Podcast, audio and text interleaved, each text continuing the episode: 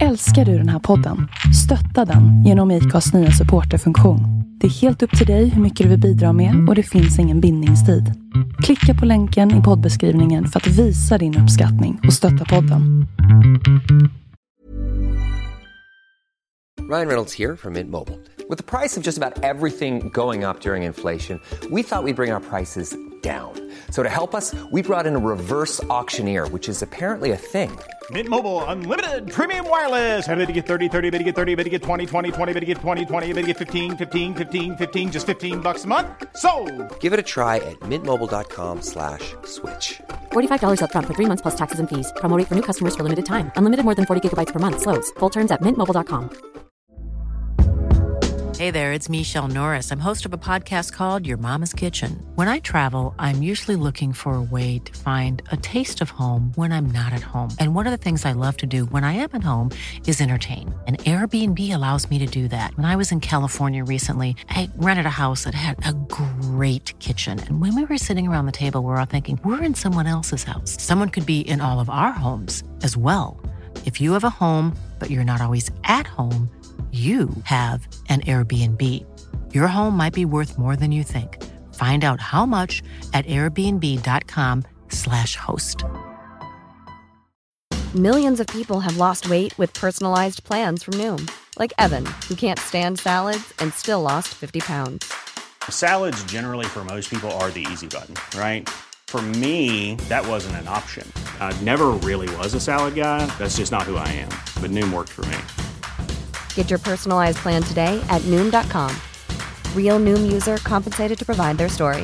In four weeks, the typical Noom user can expect to lose one to two pounds per week. Individual results may vary.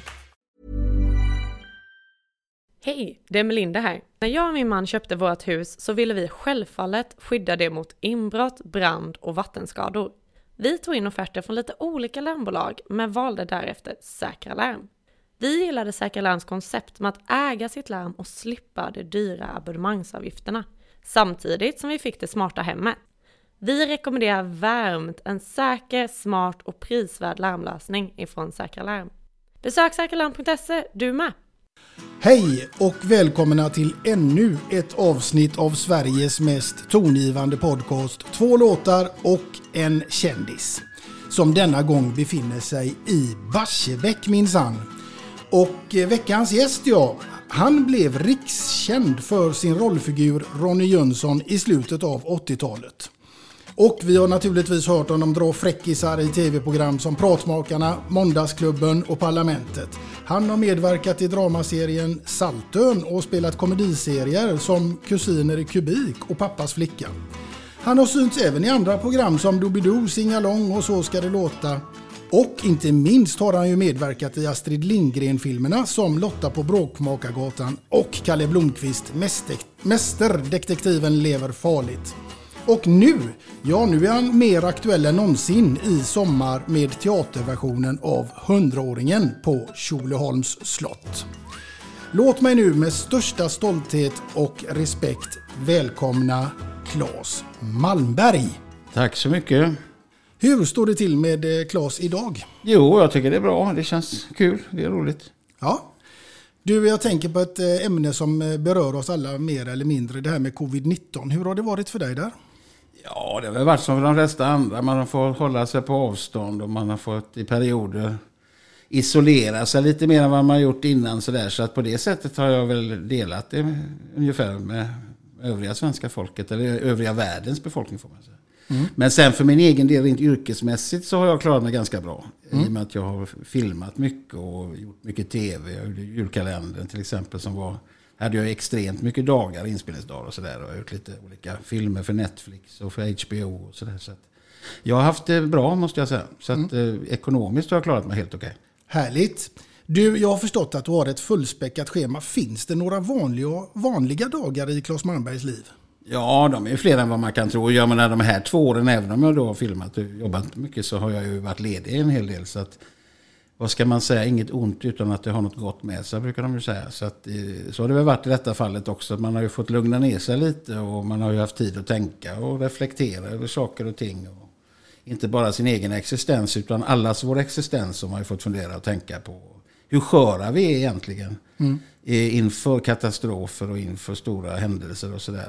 Man fick också en djup respekt för att vi kan ju tycka att vi är skapelsens krona men sen kommer det ett litet virus som talar om för oss att vi är förmodligen inte det. Att vi har ett större behov av att ta hand om varandra och visa empati med varandra. Att vi, som kollektiv klarar vi det men som enskilda individer så har vi väldigt svårt att klara oss mot ett osynligt virus ens en gång. Så att eh, en viss ödmjukhet har väl spridit sig tycker jag.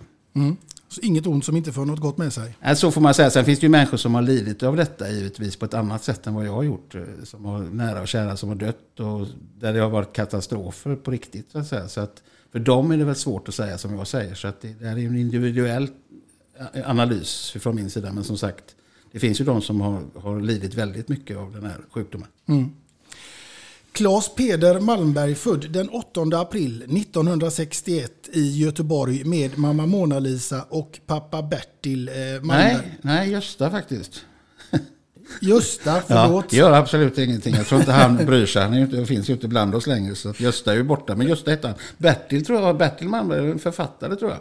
Ja. Bland annat för, för barn och ungdomsböcker. För det läste jag. Jag kommer bara inte ihåg vad han skrev för någonting. Men jag tror att det fanns en sån som man läste när man var ung, som Bertil Malmberg. Så att det kan vara... Men det finns säkert många Bertil Malmberg. Grejen är så här att det här koppade jag liksom från internetet. Ja. Så klippt ut. Så att där, ja, man ska inte lita på allt som står där helt enkelt. Jag tror inte man ska lita på något som står där. Ja, men mammas namn var ju, var ju riktigt. Så, att, så långt hade ju tekniken rätt. Men, men det står mycket som inte stämmer på, på internet tror jag. Jag är inte där så mycket men, men de få gånger jag varit där så, så, där, så tycker jag nog att man bör vara ganska kritisk när man läser informationen som finns där. Det är trots allt människor som in, för in informationen. Mm.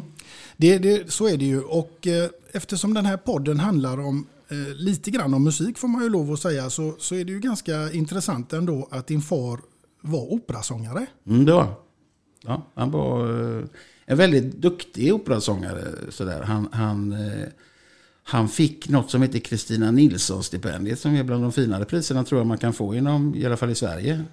Och det fick han två gånger till och med. Och eh, så där. Så att han var, han var en stor talang så att säga. Men det räcker ju inte att vara en talang, du måste kunna ta hand om talangen också. Det var han inte lika bra på. Nej, men med det sagt så tänker jag att det kanske finns en form av musikalisk eh, ådra, eller det gör det ju naturligtvis i Claes Malmberg. Ja, det gör det absolut. Jag menar, det, det är väldigt intressant för att jag menar, om man tittar på vad jag har gjort i min karriär så har jag gjort, jag tror jag har gjort nästan, någonstans mellan 15 och 20 musikalroller. Och stora sådana. Så att, eh, ändå får jag fortfarande frågan om jag kan sjunga. Och jag utgår ifrån att jag kan sjunga eftersom jag har fått de rollerna. För att jag tror inte att de har gett mig dem för att de var snälla. Nej, det tror inte jag heller. Så, så det kan jag. Jag kan sjunga, absolut. Ja, och du har ju dessutom fått pris för det. Men det ska vi komma in mer på sen. Jag tänker att vi ska återgå lite mer eh, till din eh, pappa som på något sätt har, blev ett sätt eh, att du sökte mycket i livet. Ja, ja. Alltså min pappa dog ju när jag var 11 år. Då hade jag inte sett honom så att säga. Så jag hade inga klara minnen av honom. Han försvann ju kanske när jag var 4-5 år. Någonting sånt där i, våra, i mitt liv och även min. Sådär. Så att, eh, men sen när jag kom upp i, det var framförallt när jag kom upp, alltså när han dog där vid 11, då blev man ju liksom varse om att det var liksom någonting som, alltså det fanns ju ingen återvändo inför döden, den är ju liksom definitiv. Mm. Och då insåg man att man kommer aldrig att träffa honom, för jag hade ju sådana där små romantiska drömmar om att vi skulle träffas. Och jag hade liksom idéer om att han skulle komma och kolla fotbollsmatcher. Eller att jag skulle plötsligt få framgång och så skulle han dyka upp. och så där. Men, men eh, då han dog så förstod jag att det kommer ju aldrig att hända. Och, så där. och då blev jag också intresserad av, av honom. Och jag visste ju att han var skådespelare och operasångare. Att han jobbade på Stora Teatern. Och jag vet att det fanns ju där Lorensbergsteatern ligger nu, så på, liksom där som logerna är, så fanns det något som heter Teaterhistoriska museet. Så jag kommer ihåg jag gick dit och där såg jag en massa bilder på honom. Inte massa, men några stycken bilder från föreställningar och sådär. Jag började leta efter gamla teaterprogram och sådär. Så att det var en sorgeprocess kan man säga som drog igång. Och som på grund av eh, många omständigheter tog väldigt lång tid för mig att liksom bearbeta den, så att säga, att han dog. Så att, så, så att eh, jag har ägnat mycket av min ungdom kan man säga till att lära känna min pappa så gott det nu gick. Så att säga. Så att, eh, men nu känns det som att nu har jag liksom lämnat det bakom. Mm. Men det var ändå en stor del av ditt liv där. För det, du skrev ju en bok där och den, den, eh, den förde, att det förde dig in liksom i strålkastarljus och buddhism och ja, en vansinnig massa märkliga händelser. Ja, det var det. Alltså, jag, jag, jag har ju alltid sagt sådär att jag egentligen inte var så intresserad av teater när jag växte upp. Och det var jag ju inte egentligen. Alltså, jag hade inga drömmar om att bli skådespelare eller att syssla med det yrke som jag nu mer sysslar med. Utan jag ville bli fotbollsproffs. Det var ju liksom min stora dröm. Då hade jag tyvärr inte den talangen så jag kunde bli det. Eh, eller som tur är kan man ju säga. Ja, fast Ralf Edström vittnade ju om något annat i telefon idag när jag åkte hit. För han sa att du hade hängt in en balja av rang i Mullnycke. Ja, jo, nej, men Ralf Edström kan ju fotboll. Så ja. han, han, förstår ju också. Jag tror att han sörjer väldigt djupt att det gick en, en, en stor fotbollsspelare förlorad. Så att det har vi så. Men, men nu blev det ju som det blev. Och så där, så att, men jag tror samtidigt att jag, jag ljuger lite för mig själv. För att det är klart att ett teaterintresse kom ju via min pappa på något sätt. Mm. Och det har jag tänkt på mycket sådär när det gäller min pappa. Så jag har aldrig träffat honom, men i någon mening så har han uppfostrat mig ändå på något mycket märkligt sätt. Just den relationen och intresset jag haft runt min pappa och även de varnande exemplen eftersom han då blev gravt alkoholiserad och så vidare. Och jag har ju partajat och festat mycket i mitt liv, men jag har ju aldrig hamnat i liksom den sortens missbruk. Jag har haft narkotikamissbruk och så vidare som jag har tagit mig ur. Men, men just när det gäller alkohol som egentligen är den farligaste av drogerna eftersom den är runt omkring oss hela tiden.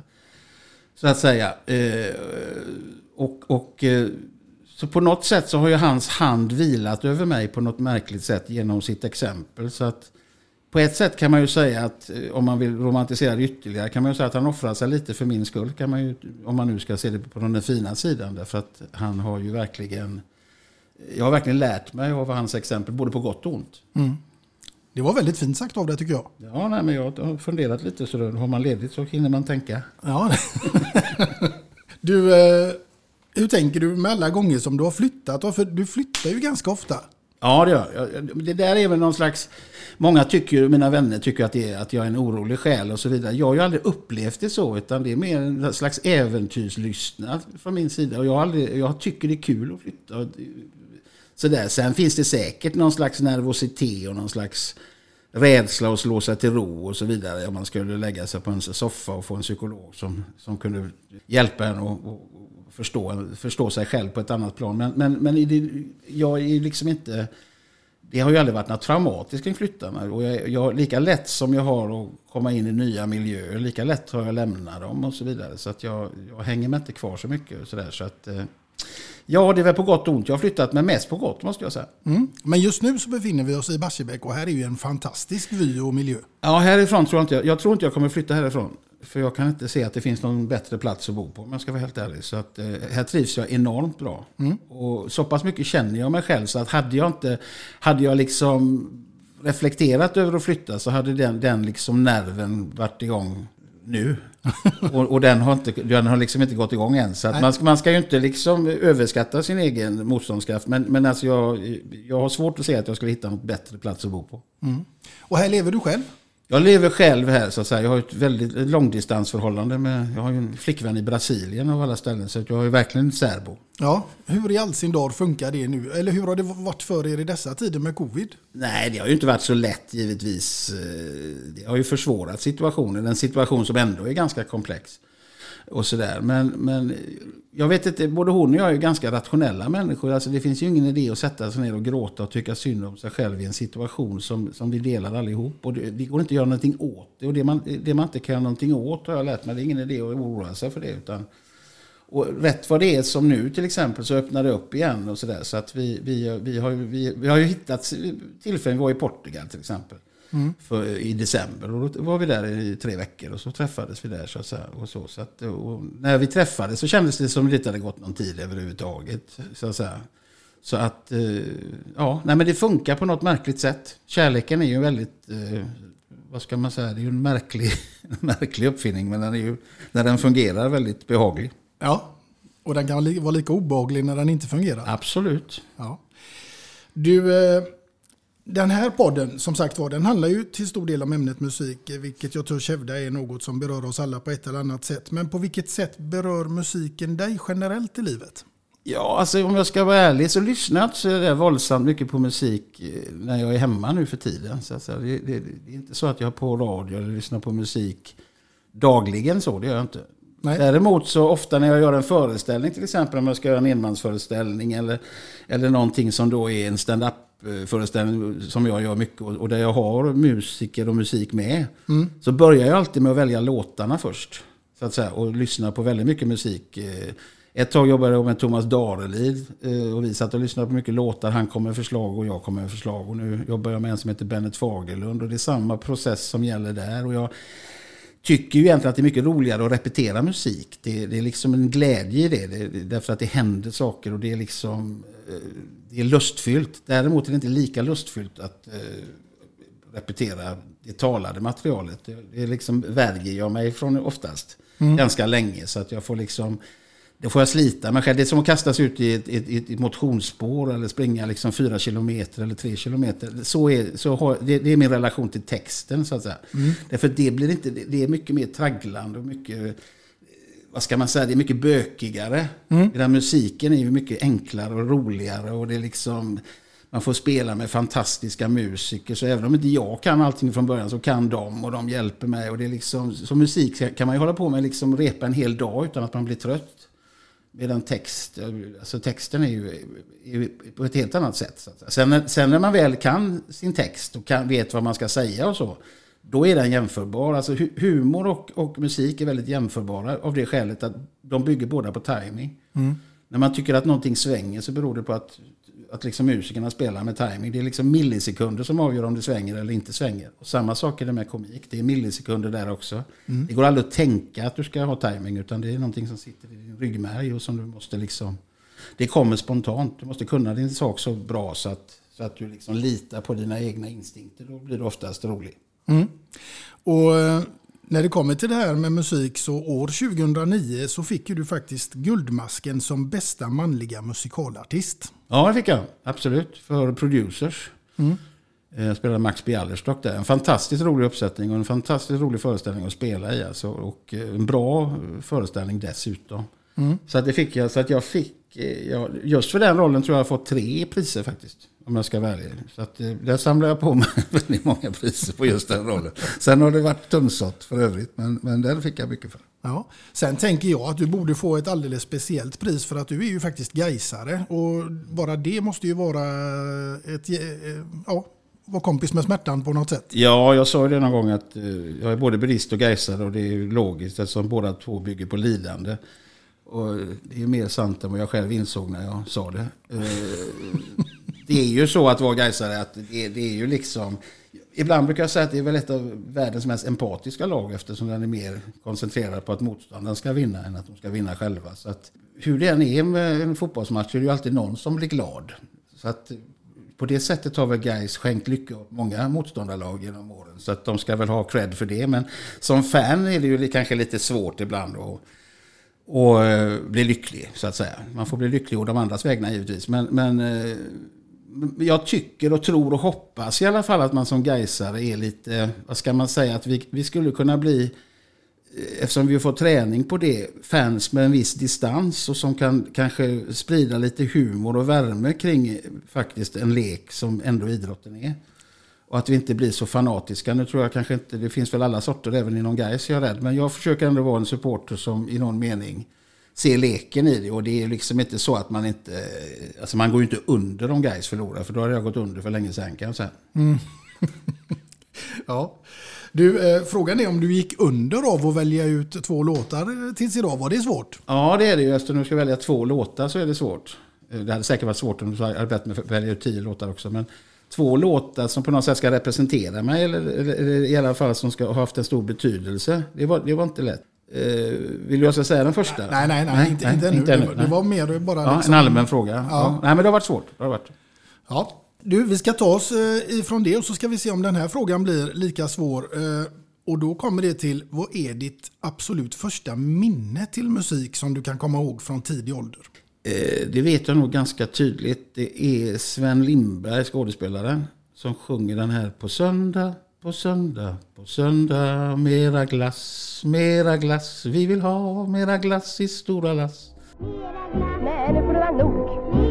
Nej, du får ont i magen då, lilla Låt dem få mera glass i stora lass Var eviga dag, vi ville det var På söndag, på söndag, på söndag Var eviga dag var det Det var sån här barnskiva som jag hade. Eh, och den kom minns jag väldigt. Just det här Mera glass minns jag väldigt väl. Och det är väldigt roligt därför att Finns det någon, jag har ju sysslat med en hel del olika, eller en hel del olika droger, men alltså sådär och gått, gått loss på olika saker. Men alltså är det någonting som jag har väldigt svårt att sluta med, vilket jag kanske borde, så är det glass. Jag är extremt förtjust i glass. Och jag var extremt förtjust i den låten. Och sen är det så fantastiskt, måste jag säga, med mitt jobb. Att jag, eh, jag hade ju ingen aning om vem Sven Lindberg var på den tiden, så att säga, när jag var barn. Så där, mer än att han sjöng. Så att Mm. säga. Jag hörde en röst. Och sen fick jag spela teater med honom på Dramaten. Det måste ju ha varit då, nu ska vi se, detta var 2000. Jag var född 61, då var jag 39 år. Alltså det är ju liksom 35-36 år senare så fick jag spela ihop med honom. Och där kom jag ihåg på en repetition jag kom in på. Då, jag kom lite tidigt och då var Sven redan där och pratade med regissören. Och då sjöng han den låten, för de började prata om den låten. Så jag hörde även den sången sjungas av Sven Lindberg a cappella i en repetitionslokal på Dramaten. Och det var ju som att åka tillbaka till barndomen igen och man fick nypa sig i armen och tänka herregud, det hade jag ju ingen aning om när jag lyssnade på den första gången att jag en dag skulle få höra den live a cappella i ett sånt litet forum som en repetitionslokal på Dramaten. Så att det är, ibland är det lite hisnande faktiskt att hålla på med det här jobbet. Mm. Du, eh, vilken är den mest eh, hisnande, godaste glassen då? Alltså det där är så, alltså all italiensk glass, de är ju världsmästare på att göra glass. Mm. Så att säga. Och de gör ju den på mjölk allt som oftast. Vi gör ju det på grädde här i Sverige, vilket gör att den blir lite stabbigare. Så italiensk glass måste jag säga, eh, generellt sett är ju den bästa glassen. De är ju bäst på allt skulle jag vilja säga när det kommer till mat och, och liksom ett sätt att leva. Jag älskar Italien. Ja, Italien, här. alltså Italien är liksom, det är Guds gåva till mänskligheten ur ett, ur ett sånt där liksom passionerat perspektiv så att säga. Sen har de ju sina bekymmer och sina problem givetvis med både regeringar och politik och dålig ekonomi och allting annat. Och de har ju en historia också som inte alltid är så glansfull kanske. Men, men som land och liksom sådär. Alltså jag, jag har rest mycket i Italien. och Det är ju sällsynt att du äter dålig mat i Italien. Det sällsynt att du får dåligt kaffe. Det är sällsynt att du liksom... Eh, och jag tycker om deras temperament. Något som är fint med Italien tycker jag, jag, jag det är ju en egen analys som jag har. Men de har ju liksom en, en enorm stolthet för sitt land utan att vara liksom arroganta eller jämföra det med andra länder. Och jag tror att mycket beror på att det, det blev ju inte ett land förrän på 1800-talet. Innan dess var det ju små, små kejsardömen eller kungadömen. Vilket gör att liksom alla de här Toscana och Piemonte och allt detta. Det är liksom som små länder i ett stort land som man lyckas hålla ihop. Så att till varje distrikt du kommer så är man väldigt stolt över det distriktet. Men jag känner aldrig att det är liksom att, det, att de känner att de är bättre än andra. Nej. Du, eh, vilken var den första plattan eller CDn som du köpte då? Ja, CD vet jag inte Nej, riktigt. platta var det ju på den tiden Ja, såklart. det var skivor. Alltså, det, alltså en annan låt som betydde jättemycket för mig, alltså det var ju den där, om jag då får prata om andra låtar än de jag har valt. Ja. Eh, Så, så är det en som jag tänkte välja, eh, faktiskt, som betydde mycket. Och det var ju Bygga upp ett stort berg med Jan Malmsjö. Den lyssnade jag på jättemycket när jag växte upp. Det var liksom... Och den kom något, några veckor senare. Och det var egentligen min pappas skiva, eller mammas, vem det nu var som ägde den. Som jag hittade hemma.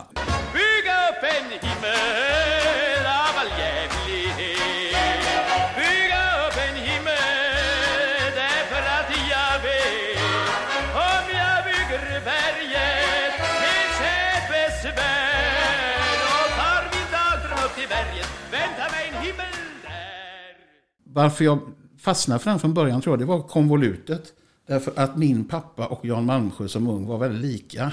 Så att i början trodde jag att det var min pappa som var Jan Malmsjö. Så att sen när jag tittade på bilden. Ja. Och sen när man vände på den så var på, på ena sidan var det Jan Malmsjö civil så att säga. Och på den andra var han, var han då ut, eh, så att säga, sminkad till Lilleman ifrån, från Stoppa världen, den, som, som själva låten kommer ifrån.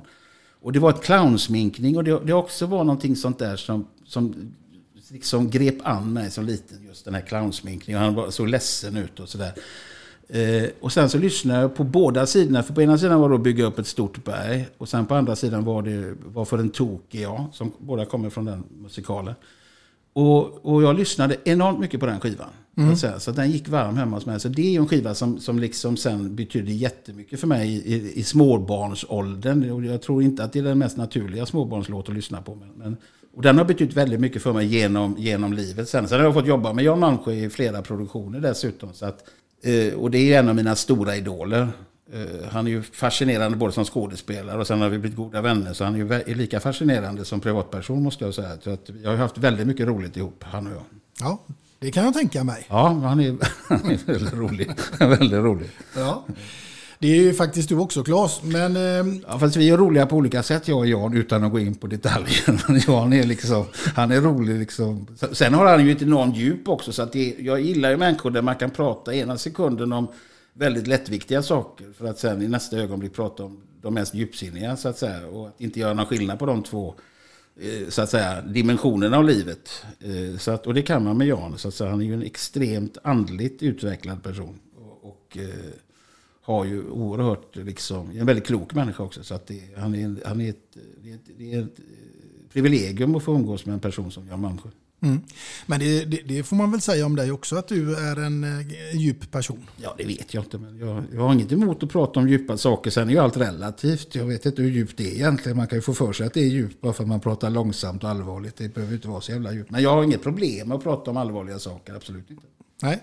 Du, eh, jag tänker att jag ska fråga dig, när blev du egentligen Claes Malmberg med hela det svenska folket? Jag vet inte ens om jag är det fortfarande. Jag har aldrig funderat på det faktiskt. Det, för mig är det inte så viktigt om jag är med hela svenska folket. Och det, det där varierar också lite grann. Så att säga. Går det bra för dig så säger folk att du är Claes Malmberg med hela svenska folket. Går det lite sämre så är de inte ens intresserade av att prata med dig. Så att jag vet inte, jag har liksom inte, det där är, och man säger ofta folkkär och man använder en massa sådana där begrepp. Mm. Eh, jag har på sagt att, att eh, jag, jag, alltså jag, det har inte, jag, jag har inte liksom, jag har inte funderat så mycket på det. När jag var yngre och slog igenom så där, kommer jag ihåg att jag sa att jag ville inte bli folkkär för jag ville vara en rebell och jag ville liksom på något sätt vara illa omtyckt eller provocerande och sådär. Men det, det var ju liksom den ålderns osäkerhet som talade mycket och sådär. Och sen så blev jag äldre och så blev jag förhoppningsvis lite klokare. Och sen började folk säga att jag var folkkär och sådär. Så att jag, det är andra som säger det, men jag upplever ju inte när jag är ute och går att jag är sådär folkkär på det sättet. Det går inte att gå omkring och vara liksom folkkär i största allmänhet. Så, utan jag tror att när jag gör en grej som berör folk, till exempel om man tar julkalendern som vi gjorde, så, det, alltså det är ju länge sedan jag gjorde någonting som har haft ett sånt stort genomslag. Alltså den rollfigur har haft så stort genomslag som min, när jag gjorde Polisman där. Mm. Och där har det varit jättemycket folk som har kommit fram. Och där har jag sett att jag berör människor liksom bortanför bara det här skrattet. Utan det är liksom på ett djupare plan. Och då blir man ju väldigt stolt.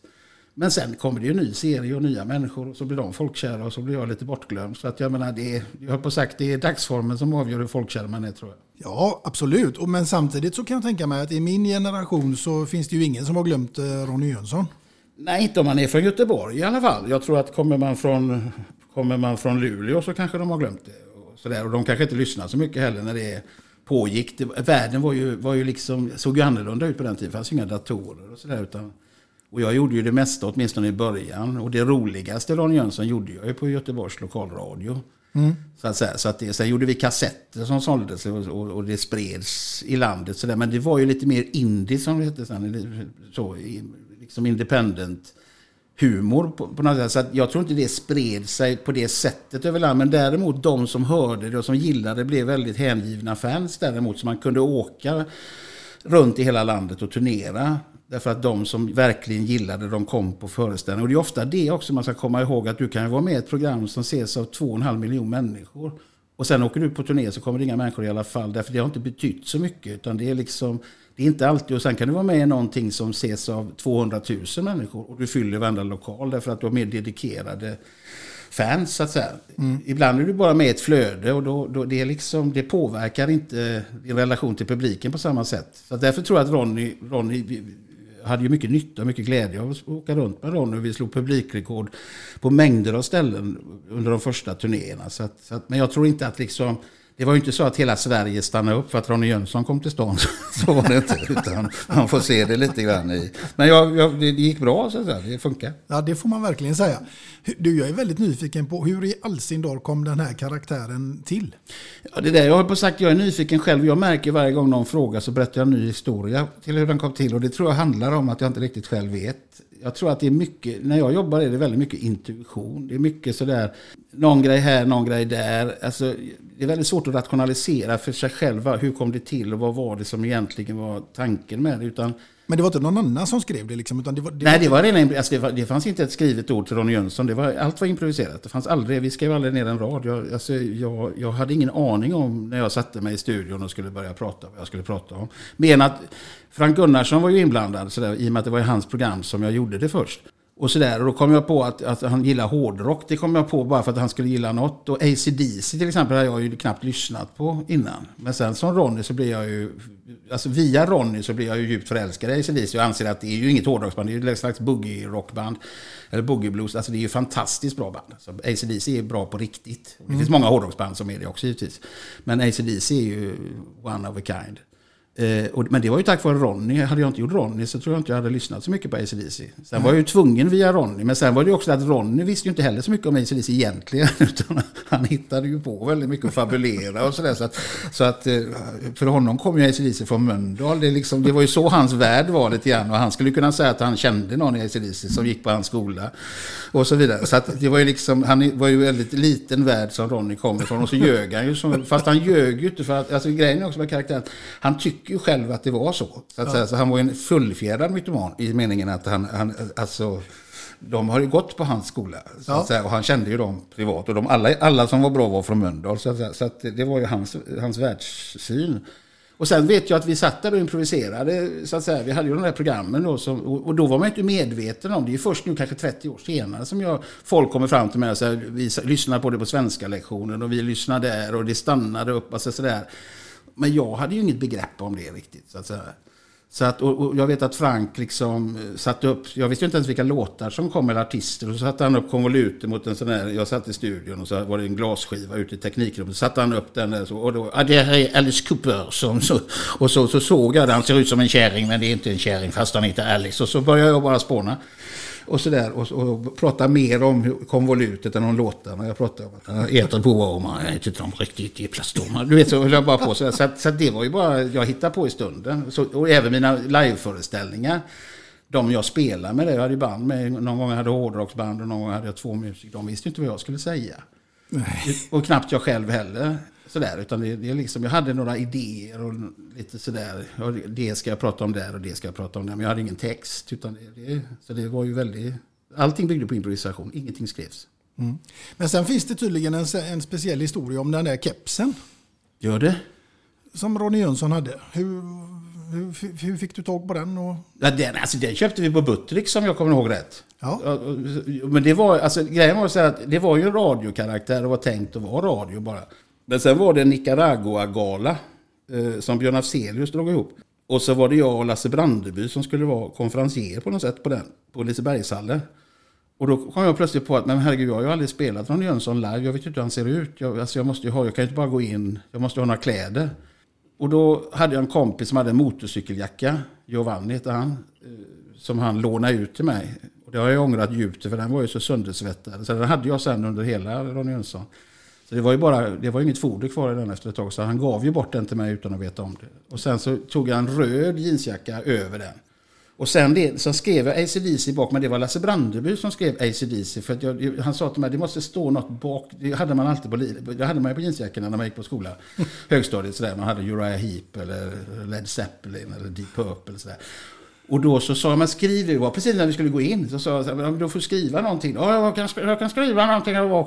Lasse, så, där. så tog han en spritpenna så skrev han ACDC. Och sen så, så det där med kepsen, vet jag inte varför jag kom på, men, men det gick vi på, jag, jag skickade någon till Buttricks, eller jag gick själv, jag kommer inte ihåg. Men det måste ju ha varit någon som stack dit, för jag hade inte riktigt koll på någonting. Eh, Så att jag fick en sån här så jag bara drog på mig. Om jag minns rätt så var det så. Ja. ja men jag vet att de, det är på vanliga Buttricks-kepsar. Ja. Så att säga. Sen såg jag ut som en medlem i Village People. Det hade jag ju ingen tanke på. Så att han, det fanns ju många, när man tittar på Ronny Jönsson så finns det ju många infallsvinklar man skulle kunna titta, alltså någon sån här teaterhistoriker som har, som har tid över skulle ju kunna kolla på och fundera på hur, hur, hur det var en ganska komplex karaktär ändå. Ja, det får man lov att säga. Ja. Du, helt underbar i min värld. Jag skrattade mångt och mycket till det i yngre dagar. Ja, nej, men det var, de som gillade gillade det och de som hatade hatade verkligen. Något som var väldigt roligt också tycker jag med den tiden. Om jag får uppehålla mig kring Ronny så var det ju det att vi, det var ju direktsändningar dessutom ska man komma ihåg. Så det var ju inte, vi vi redigerade ju ingenting utan det var om det var 20 eller 25 minuter en gång i veckan direktsänt.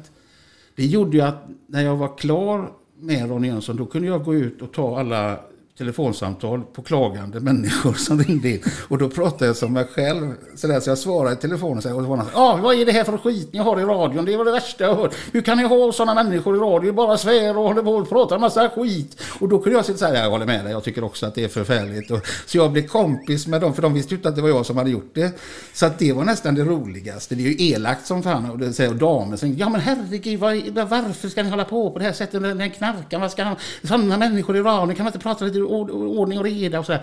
Och jag sa nej, jag håller med. Och så var det någon som sa, men varför du är en trevlig pojke, varför får inte du prata i radio? När jag skulle ha gjort det, men nu kommer ju den här jävla idioten innan mig. Så att jag håller med. Så att jag satt så där, så det var ju väldigt, vad skulle jag ha spelat in det igen? För det var nästan roligare än själva programmet. Så att, men det går inte att göra det idag, för att det är ju inte så, man har ju inte den direktkontakten med, med lyssnare längre som man hade på den tiden. Så att, eh, nej, det var kul. Ja, verkligen. Du, TV, teater, revy, film, tv och allt vad det är för något. Var trivs du bäst egentligen? Jag trivs bäst att spela live för en publik som skrattar. Det är nog, om jag ska, om jag ska uttrycka mig kortfattat, så är det då jag trivs som bäst. Mm. Och det är precis, det ska vi komma in mer på sen, men det är precis vad du ska göra till sommaren. Ja, ja absolut. Och det har väl varit egentligen kanske på gott och ont med den här tiden, för man har ju inte kunnat spela live. Under, under och det, på ett sätt har man ju fått ladda batterierna kanske och, och, och, bli sugen på det igen, även om jag har varit sugen på det hela tiden och tyckt att det varit roligt. Men nu blir det ju ännu roligare eftersom man inte fått göra det på ett långt tag. Men jag tror att om inte den där direktkontakten med publiken hade funnits och, det här live-uppträdandet, så, så, då tror jag inte jag hade varit så intresserad av det yrket. Nej. Du, eh, när det kommer till det här med podcast och så, så har ju du tillsammans med Stefan Liv en egen sådan. Ja, vi hade det ett tag. Vi gjorde, jag vet inte vad, vi gjorde 40-tal program kanske sådär. Och det var väldigt kul. Det var också under pandemin mm. som vi liksom roade oss med att göra det. Och det, jag tyckte det var väldigt roligt. Radio är ju ett väldigt eh, roligt eh, forum. Därför att det är så enkelt att göra. Sen så måste man ju prata och ha, ha någon idé med vad man säger och sådär. Men men det är ju det är inte så konstigt att folk gillar poddar. Därför att det är en, en, ett väldigt lätt, vad ska man säga, rent tekniskt sett ett ganska enkelt eh, forum. Och sen är det också ett väldigt direkt forum. Man, man liksom som, som lyssnare skapar sig sina egna bilder och, och så vidare. Så att radio är ju, tycker jag, oöverträffat på det sättet. Mm, ja, absolut, jag håller med dig. Du, eh, vi ska ta oss från eh, det här till någonting helt annat. För nu ska vi få höra vad Claes Malmberg skulle få vilken musikartist eller låt han skulle ta med sig till en helt öde ö. Rättare sagt, du får välja en enda platta eller en enda grupp som får följa med dig till en öde ö i ett helt år. Men är det nu som jag nej. ska... Nej, det är inte nu jag ska säga det heller. Nej, inte nu heller. nej, nej, för, att, för då tänkte jag ska... Det hade ju blivit tjatigt kanske med. Men du menar en hel LP, mm. som det hette på när vi var unga? När vi var unga, ja. Ja, det har jag inte funderat så mycket på. Vad ska jag ta med på en öde ö? Ja, du ska ju vara där ett helt år, så får det vara något du kan lyssna på. Nej, men då skulle jag nog kunna tänka mig en ACDC-platta. Ja. Det hade jag nog kunnat fundera, alltså faktiskt. För jag blir glad när jag lyssnar på dem och det är väldigt energi i den musiken och det är bra musik. Så jag skulle kunna tänka mig en ACDC.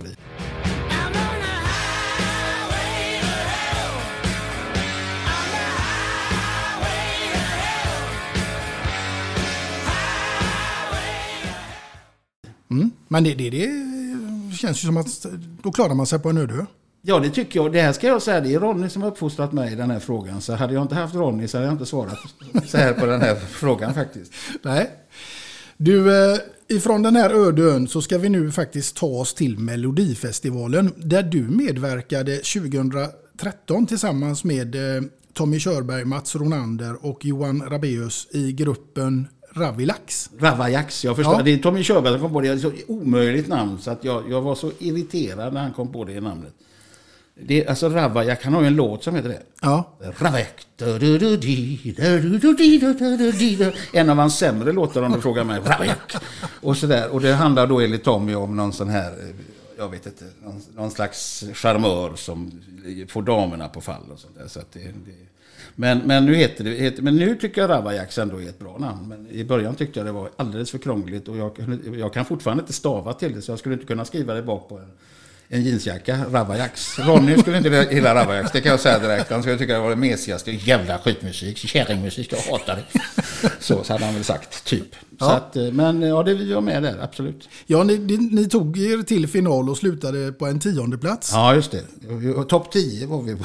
Ja. Det, på OS hade folk tyckt det var bra. Så att säga. Men topp 10. Det gick ju bra i delfinalen där, eller deltävlingen. Då gick vi ju direkt vidare till final dessutom. Det, då tycker jag det blev jävligt ologiskt. Det tyckte jag redan då, även om att vi gick direkt till final. Men Mm. ändå kom de som andra chansen-låtarna gick förbi oss. Det, det, det, jag tyckte det var märkligt. Det måste ha varit många som har bytt åsikt där under resans gång. Men som sagt, vi blir tia. Det är antingen tia eller etta. Det är väl det man ska vara. Ja, det är någonstans där. Du, vi ska ta oss ifrån Melodifestivalen till ett scenario där du ska ha en middagsgäst. Vem som helst, död eller levande. Jag undrar, vad hade ni ätit? Vem hade det varit? Och framförallt, vilken låt hade fått ligga där i bakgrunden till denna fantastiska, trevliga middag? Ja, om jag börjar vad jag ska, skulle ätit så skulle det bli något italienskt. Ska jag laga maten eller? Ja. Ja, men då får det bli någon pastarätt. Jag är ju fembarnsfar så det som tidigare hette spaghetti med köttfärssås som på italienska heter spaghetti bolognese bland annat. Så eh, det hade jag kunnat gjort. Sen har jag en väldigt bra pastarätt som jag lärde mig av min första fru Michelle. Eh, Hon var vegetarian så att hon lagade väldigt god vegetarisk mat. Det var ju på den tiden som väldigt få var vegetarianer. Eller inte var inne Mm. eh, och var det. Eh, och då, hon har en eh, också sån här pastasås som är väldigt bra med crème fraîche och lite champinjoner och lök och vitlök och så. där. Så att jag, den kanske jag skulle bjuda på. För den är jag ganska bra på att göra. Mm. Den sitter i ryggmärgen liksom. Ja, och sen bolognesen sitter ju också. Jag har ju olika varianter på bolognese. Jag har ju riktig sån torr bolognese som är italiensk som jag, på ett recept som är från Bologna. Mm. Eh, och sen har jag den vanliga med krossade tomater och vardagsbolognese. Men mina barn uppskattar den väldigt. De, de vill ofta, än idag när de kommer hälsa på mig så vill de att jag ska göra spaghetti bolognese till dem. Så det, gör, det är väl de två rätterna som jag kan. Sen kan jag, igår bjöd jag på, till exempel på, det är jag också duktig på, eller duktig på, men jag, göra eh, fläskkotlett, eh, gröna ärtor, kokt potatis, gräddsås. Eh, det är jag bra på också. Ja. Ja. Men jag skulle bjuda på då den första där, eh, den med crème fraîche, den vegetariska. Den Ja, och vem hade gästen varit då? Om du fick välja vem som helst att sitta och äta en middag med. Ja, vem skulle jag vilja sitta och äta middag med? Ja, Jag hade ju gärna, alltså, om jag ska ta någon sån där storhet i världen. Nu går ju inte det tyvärr, men jag hade ju gärna träffat Nelson Mandela. Mm. Det hade jag gärna gjort. Eh, Eftersom jag, det är få sådana ledare som har funnits inom historien som har haft hans klokskap och empatiska förmåga och förmåga till att bygga broar mellan de mest, där man tror att det är omöjligt att bygga broar. Eh, nu visar det sig att eh, han hade ju behövt finnas kvar längre för att de där broarna skulle hålla. Men, men han gjorde ett stort, en enorm insats och, eh, för Sydafrika, för sitt folk och för, för landet som helhet. Mm. Ja, verkligen. Så det, hade, och vilken låt hade fått ligga där i bakgrunden till denna fantastiska pasta nu med Nelson Mandela? ja, herregud vad svårt. Eh, ja, Dylans times, times are changing kanske? Ja, varför inte? Ja,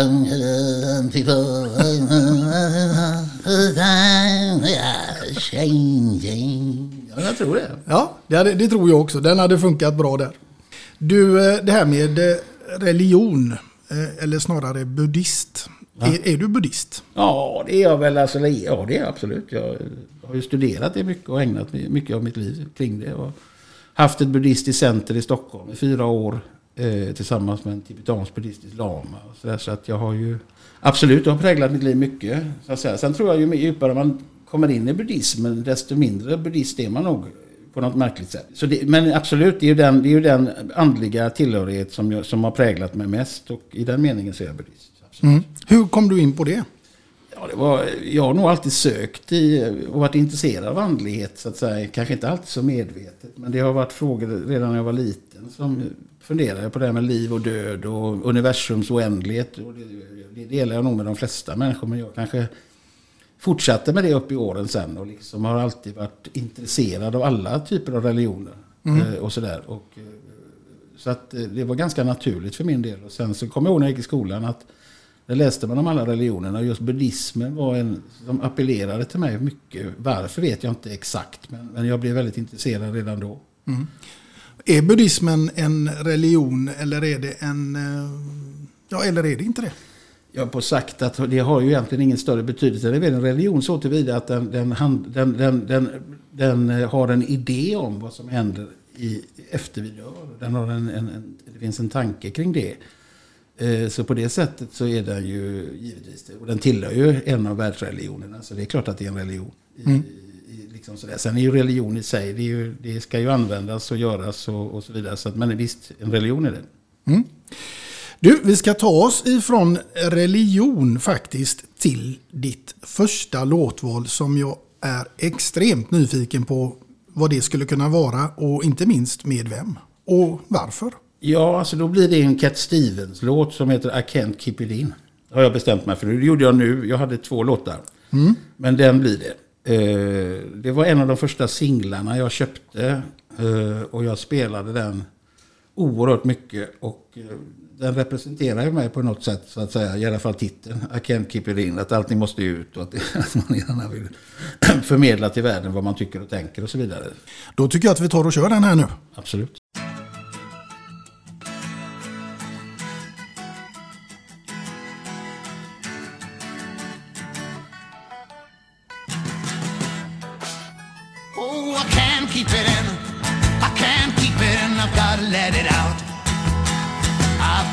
Show the world. World's got to see.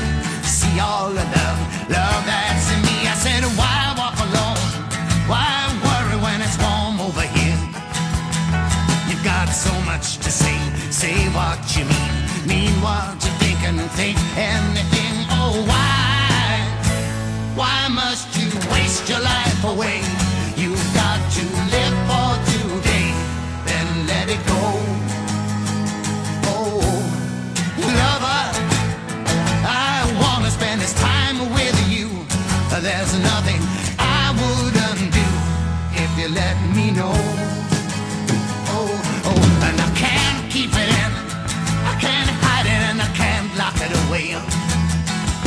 Up for your love.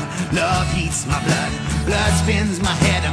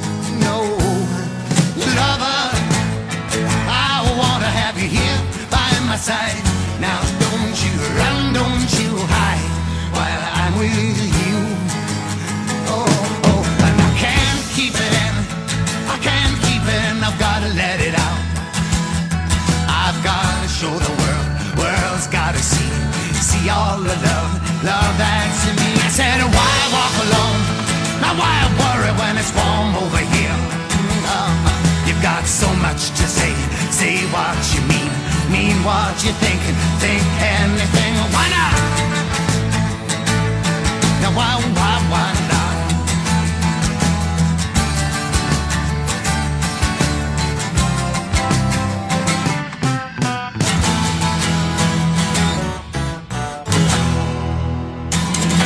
Ja, där hörde vi den. Vad kände du eller tyckte du nu när du hörde den? Ja, Jag gillar Cat Stevens överhuvudtaget så att säga. Men, men det här var ju... Jag undrar om inte det var hans genombrottslåt på något sätt. Jag kanske hade kommit någon innan. Men för mig var det första mötet med Cat Stevens. Mm.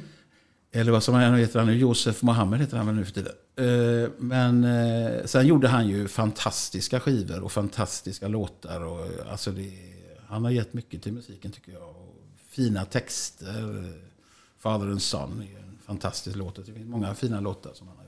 Mm. Ja, det är väl främst den låten jag förknippar med honom faktiskt. Ja, men jag förknippar nog en hel del. Sen är jag ju dålig på att komma ihåg titlar och så. Men jag blir alltid väldigt glad när jag lyssnar på Cat Stevens. Och han var ju liksom en stor artist när man själv växte upp och sådär. Så att, eh, men den här låten var, ja, jag, jag vet faktiskt inte varför jag köpte den. Om jag hade hört den på radion och sen ville ha den eller någonting sånt där. Men, men den var, jag spelade ju sönder den. Sen tror jag B-sidan tror jag var en, det var, det var också någon låt där som jag... Alltså jag stod ju ofta och gjorde playback till I Can't Keep It In. Jag var inte så bra på engelska men, men jag, jag, och jag sjöng den sådär. Och, nej, men den, den betyder mycket faktiskt. Ja. If you're looking for plump lips that last, you need to know about Juvederm lip fillers. With Juvederm Volbella XC and Juvederm Ultra XC, your lip look, whether it's subtle or bold, can last up to one full year with optimal treatment and no additional maintenance. Find a licensed specialist and see if it's right for you at juvederm.com today. That's J U V E D E R M.com. Add fullness to lips in adults over 21 with Juvederm Volbella XC or Juvederm Ultra XC. Do not use if you have severe allergies or a history of severe allergic reactions, or if you're allergic to lidocaine or the proteins used in Juvederm. Tell your doctor if you have a history of scarring or taking medicines that decrease the body's immune response or that can prolong bleeding. Common side effects include injection site redness, swelling, pain, tenderness, firmness, lumps, bumps, bruising, discoloration, or itching. As with all fillers, there's a rare risk of unintentional injection into a blood vessel, which can cause vision abnormalities, blindness, stroke, temporary scabs, or scarring. For full important safety information, visit juvederm.com. Hey, I'm Ryan Reynolds. At Mint Mobile, we like to do the opposite of what Big Wireless does. They charge you a lot, we charge you a little. So naturally, when they announced they'd be raising their prices due to inflation, we decided to deflate our prices due to not hating you. That's right. We're cutting the price of Mint Unlimited from $30 a month to just $15 a month. Give it a try at mintmobile.com slash switch. $45 upfront for three months plus taxes and fees. Promo rate for new customers for limited time. Unlimited more than 40 gigabytes per month. Slows. Full terms at mintmobile.com. You should celebrate yourself every day, but some days you should celebrate with jewelry. Whether you want to commemorate an unforgettable moment or just bring some added sparkle to your collection, Blue Nile can offer you expert guidance and a wide assortment of jewelry of the highest quality at the best price. Go to BlueNile.com today and experience the ease and convenience of shopping Blue Nile, the original online jeweler since 1999. That's BlueNile.com. BlueNile.com. Hiring for your small business? If you're not looking for professionals on LinkedIn, you're looking in the wrong place. That's like looking for your car keys in a fish tank. LinkedIn helps you hire professionals you can't find anywhere else, even those who aren't actively searching for a new job but might be open to the perfect role. In a given month, over 70% of LinkedIn users don't even visit other leading job sites. So start looking in the right place. With LinkedIn, you can hire professionals like a professional. Post your free job on linkedin.com slash people today. Hey there, it's Michelle Norris. I'm host of a podcast called Your Mama's Kitchen. When I travel, I'm usually looking for a way to find a taste of home when I'm not at home. And one of the things I love to do when I am at home is entertain. And Airbnb allows me to do that. When I was in California recently, I rented a house that had a great kitchen. And when we were sitting around the table, we're all thinking, we're in someone else's house. Someone could be in all of our homes as well. If you have a home, but you're not always at home, you have an Airbnb. Your home might be worth more than you think. Find out how much at airbnb.com/slash host. Du, vi tar oss, nu har vi valt en låt som du har valt här som du tycker mycket om. Nu ska vi gå till den raka motsatsen här, för nu tänker jag att du var faktiskt på radion här hemma och du går här och städar eller någonting och helt plötsligt så dyker det upp en låt som du direkt känner, nej, nej, nej, inte en chans, radion åker rätt av. Ja, ja det, jag vet inte vad det skulle vara för låt. Alltså, jag, jag har ju en förmåga att inte lyssna då när jag inte gillar det. Det stör mig inte så mycket. Så alltså det, det, jag kan nog inte komma på någon låt som liksom eh, får mig att bli sådär, eh, vad ska man säga, att jag agerar med någon slags eh, sådär så att jag stänger av radion. Det tror jag inte, någon sån låt kan jag inte komma på på rak arm. Nej. Faktiskt.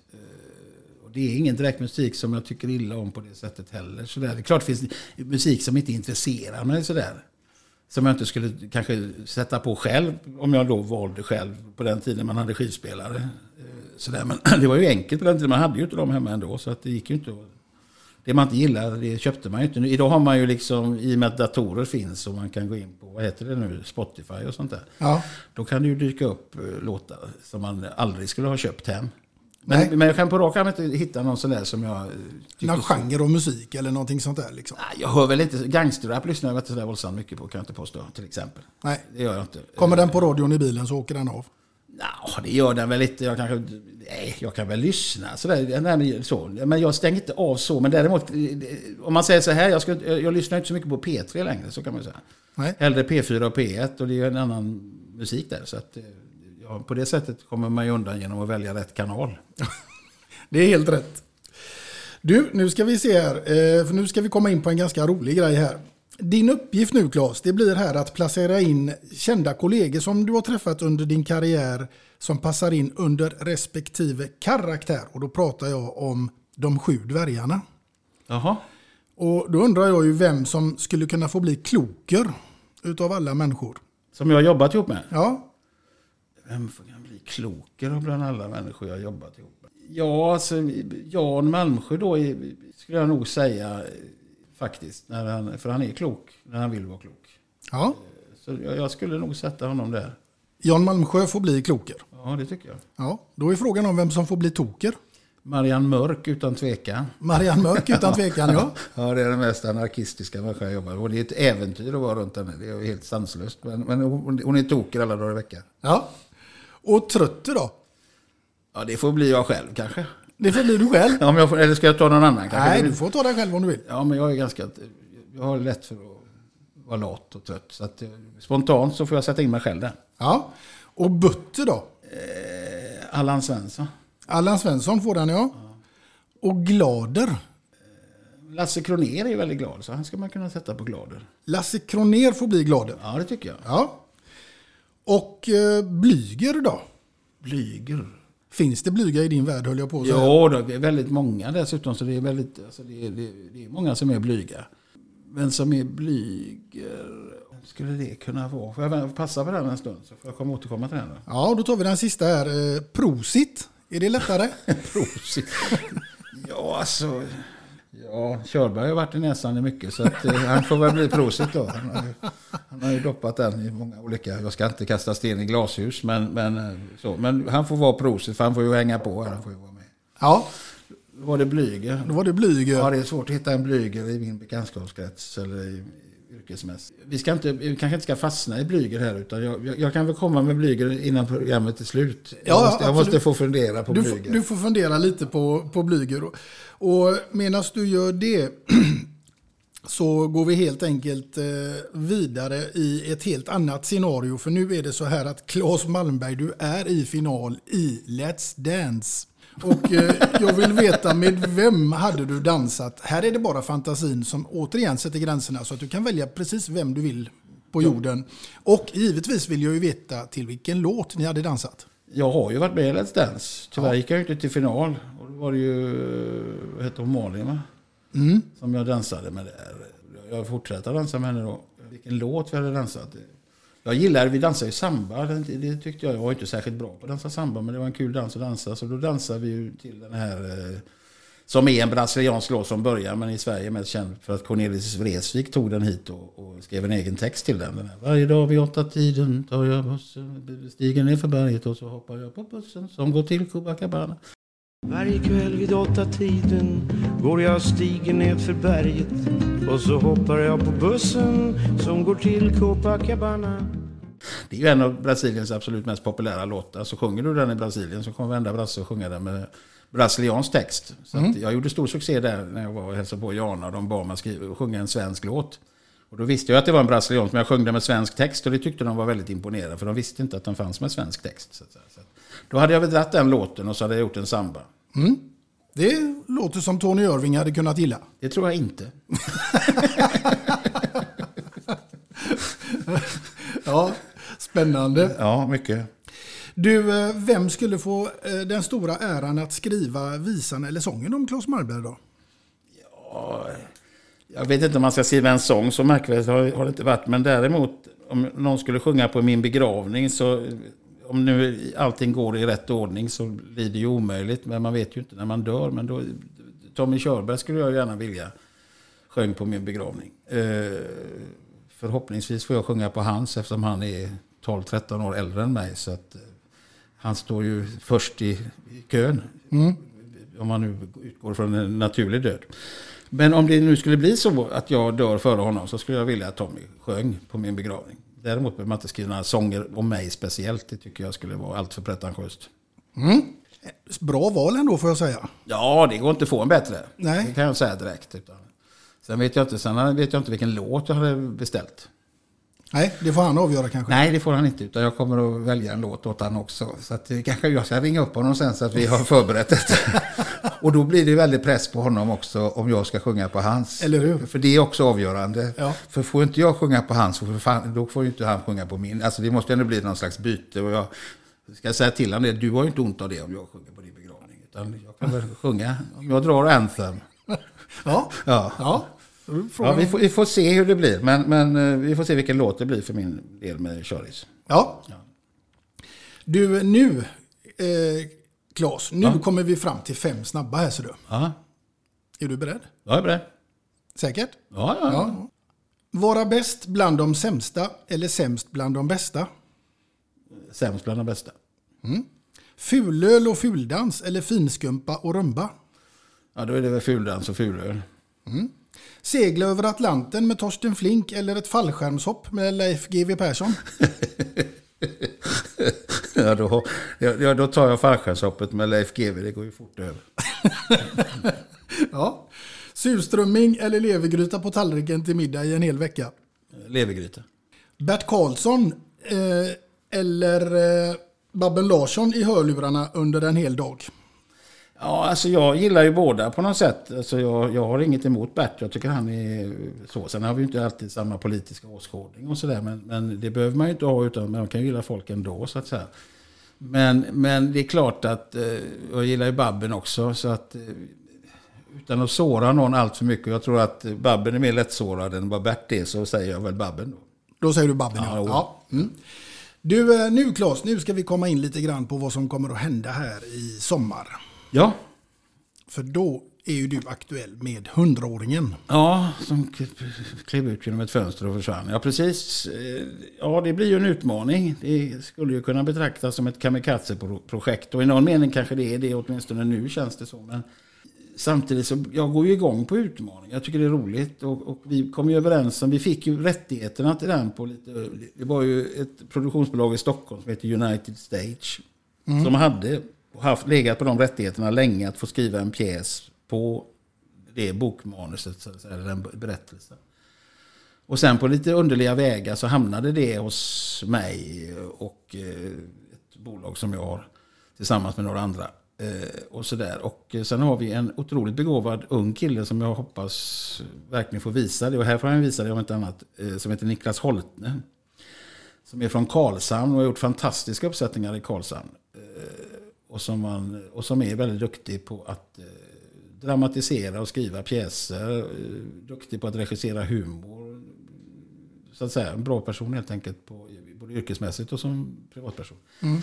Och då när vi diskuterade detta så ganska snart så sa han att, eh, att han ville i så fall att vi skulle göra det som en monolog. Och först så kände man att, "Åh, herregud, hur ska man göra det? Men sen ju mer jag tänkte på det, ju mer vi diskuterade så stod det idéer och tankar kring det som gör att jag tror att det kan bli nog så bra. Mm.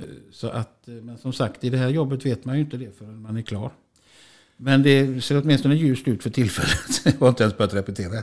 Men sådär, pjäsen ska väl bli klar nu i mitten på februari och så ska vi läsa den och sen så börjar vi jobba nästan omgående. Men vad som är bra, om man ska se någon fördel med att jag är själv, det är ju det att det är inte så svårt att få ihop ensemblen.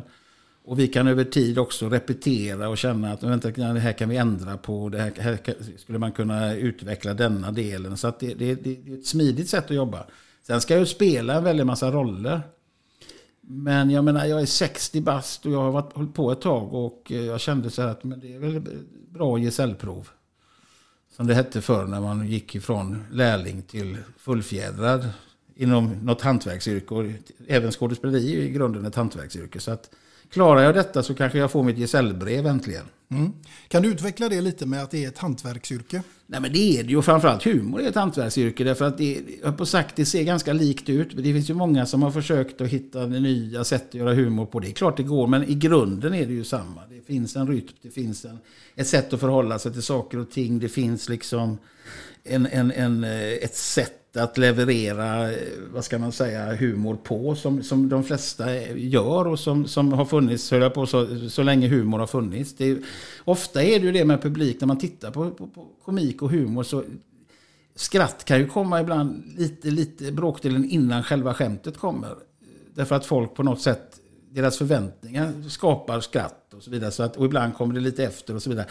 Men, men, men det är ju liksom att kunna, att kunna hantera det och veta det och även tajmingen att veta när ska du säga det, när ska du inte säga det utan att tänka för det måste vara på instinkt så att du, du kan, inte, du kan inte räkna ut utan det, det, du måste ha det i dig Mm. på något märkligt sätt. Sen kan man absolut lära sig det. Kanske inte till eh, den högsta av höjder, det måste du nog ha med dig tror jag. Men, men det finns någonting i det, en rytm och ett...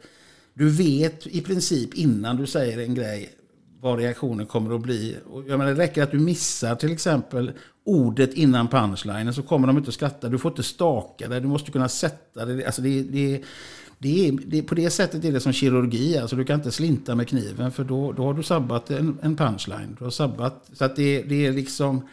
Det är väldigt, väldigt små marginaler man jobbar med som, som komiker om du ska vara riktigt rolig. Mm. Eh, och det är små nyanser, även om det ibland kan se ut som om det inte är det. Så, att, så att, eh, det, är, det, är en, det är ett hantverk som du lär dig och, och, och du lär dig det mer och mer förhoppningsvis ju mer rutinerad du blir. Så att säga. Mm. så att det, Har det Ja. hänt att du liksom någon gång har stått där framme på scenen och försökt vara rolig och så har du inte fått med dig skratten? Liksom? Många gånger. Alltså det tror jag alla måste gå igenom så att säga. Eh, det är självklart att det är så. Är du ung och liksom inte har den erfarenheten. Och jag menar jag har ju också varit ute på villospår och liksom trott mig uppfinna hjulet fast det redan fanns och så vidare. Så att jag har gjort det massor med gånger. Hamnat i, i panikartade situationer. Och, och, och, och världen krymper på ett sätt då som är, och tiden, plötsligt blir det liksom, det, är, det är oerhört smärtsamt att stå och försöka vara rolig och ingen skrattar åt det du säger och det du gör. Och, och vad som händer med det då, i alla fall i mitt fall, är att du backar och backar och backar. Så det blir bara sämre och sämre och sämre. Alltså det, där är det precis som med idrott. Det, det sitter i huvudet. Mm. Och, och det är väldigt svårt om du har kommit in snett i någonting. Att vända det och liksom göra det bra igen. Mm. Därför att då, det kräver så mycket av ditt psyke och det kräver så mycket självförtroende. Och, och, och, och mod faktiskt. Att gå in och ha med sig dem från början. Då kan du glida runt på räkmackan ganska länge. Alltså du får vara ganska kass om du ska få dem att tröttna på det här då. Eh, det går också. Men, men, men däremot att komma in och känna ett motstånd och, och, och liksom vara rutinerad nog att känna sig okej, nu får jag lugna ner mig. För vad du ofta gör då är att du stressar på att du gör det lite för snabbt, det går lite för fort, du pratar lite för fort. Och plötsligt har du liksom förlorat dem.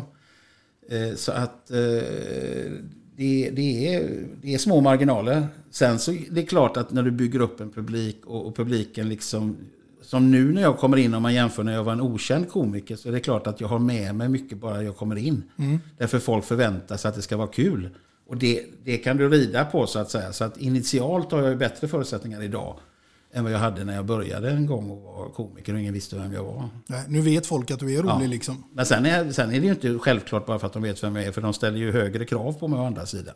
Mm. Och det finns större förväntningar, så att det gäller ju att man är rolig också. Så att. Och där är ju hu- humorn, till skillnad från mycket annat, så är ju den så, den klär ju av det så snabbt. Är du inte rolig så är du inte rolig. Sen kan du komma med vilka undanflykter du vill, att det var fel på publiken, att det var fel på ljuset, det var fel på så. Men i grunden är det ju du själv som ska vara rolig och är du inte det så... så och det finns ju inget som är så... Det finns ju ingen publik som är så besviken som en publik som förväntade sig att få skratta och inte få skratta. Alltså det, så man känner sig extremt hatad när man är komiker. Jobbar du med dramatisk teater då, då, då är det ju en helt annan sak. Då kan det ju vara liksom att jo, men de behöver smälta och de- blir berörda och så vidare. Där kan ju alla känslor liksom anses vara bra. Någon skriker, vad är det här för jävla skit? Ja men det är bra, det är konst, det är fint. Det är liksom, någon blev han blir provocerad. Så du kan ju hitta en massa flyktvägar i den andra formen av teater. Där, som, där, det liksom, där du inte hör publiken. Men i humor är det så. Säg du att du spelar komedi och ingen skrattar så har du gjort en jävligt dålig komedi. Och det kommer du inte undan hur, hur du än vrider och vänder på det. Nej. Det är liksom väl, verkligen svart eller vitt.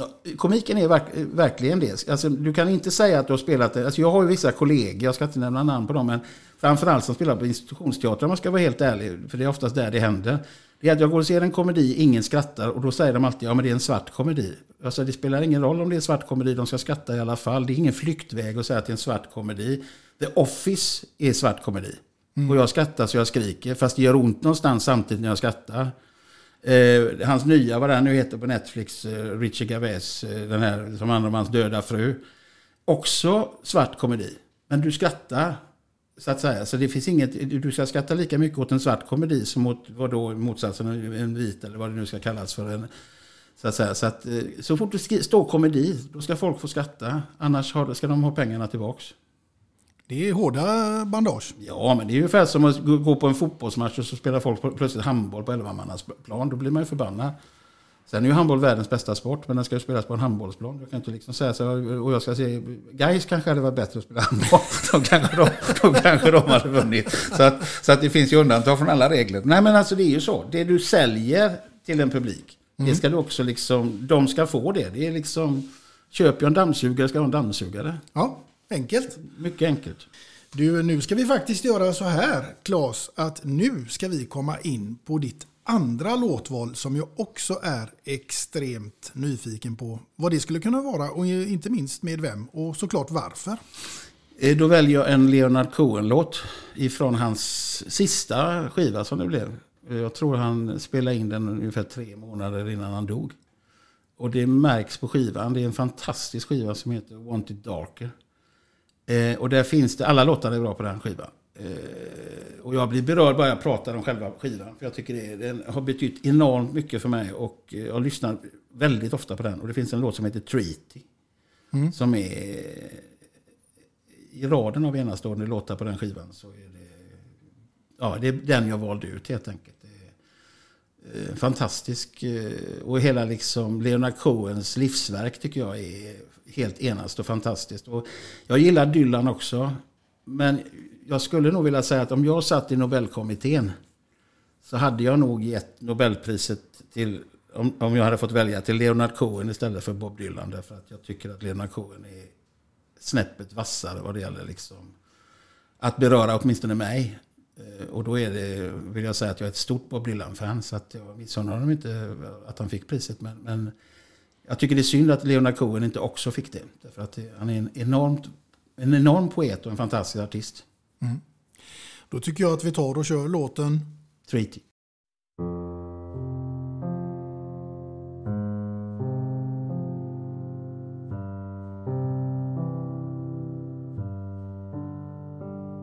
I've seen you change the water into wine. I've seen you change it back to water too. I sit at your table every night. I try, but I just don't get high with you. I wish there was a treaty we could sign. I do not care who takes this bloody hill. I'm angry and I'm tired all the time. I wish there was a treaty. I wish there was a treaty between your love and mine. Ah, they're dancing in the street, it's Jubilee. We sold ourselves for love, but now we're free. Sorry for that ghost I made you be. Only one of us was real, and that was me.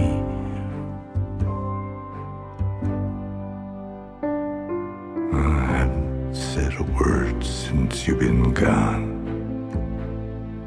that any liar couldn't say as well. I just can't believe the static coming on. You are my ground, my safe and sound. You were my aerial. All the fields are crying out, it's Jubilee. We sold ourselves for love, but now we're free. I'm so sorry for that ghost I made you be. Only one of us was real,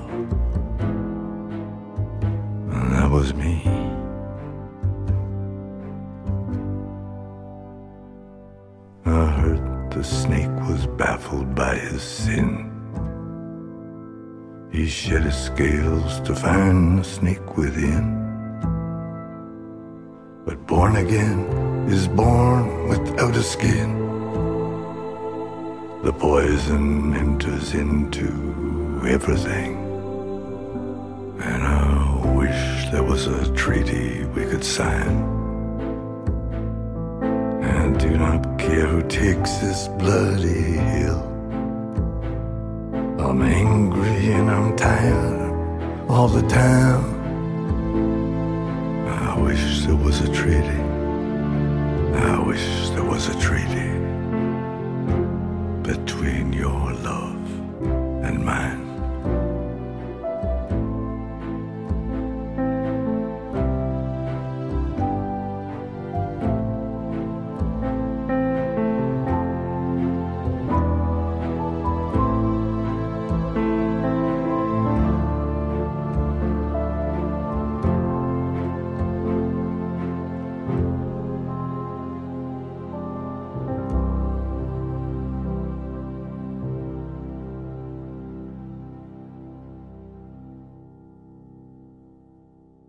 Ja, där hörde vi denna låten och jag får ju hålla med dig Claes. En fantastiskt härlig låt. Ja, jo men den är... Och sådär, jag vet, jag, jag har suttit här med, med, jag vet, jag och Bennet eh, som då är kapellmästare när jag spelar oftast. Och sådär, vi har ju blivit väldigt berörda av detta och liksom så. Och ett par glas vin så är det lätt att att ta till tårarna. Nej men alltså det, det, det och jag, hela den skivan och just det här. Alltså vi pratar om kloka personer. Mm. Är det någon som skulle varit kloker också så är det ju, är det ju Leonard Cohen. Mm. Och att kunna hantera liksom livet och att på något sätt eh, utmana sig själv i livet. Och ifrågasätta sig själv och göra sig själv till en mer och mer genuin och sann människa. För mig är han ett föredöme på, det, på många områden och framförallt på det mänskliga. Det är väl egentligen eh, det som är ett livsmål. Meningen Ja. med livet lite. Så kan det ju vara, absolut. Det söker vi väl alla givetvis. Men, men jag tror att ska man söka det på riktigt så är det en ganska smärtsam resa att komma till insikt om vad meningen... Och jag tror aldrig vi får ett...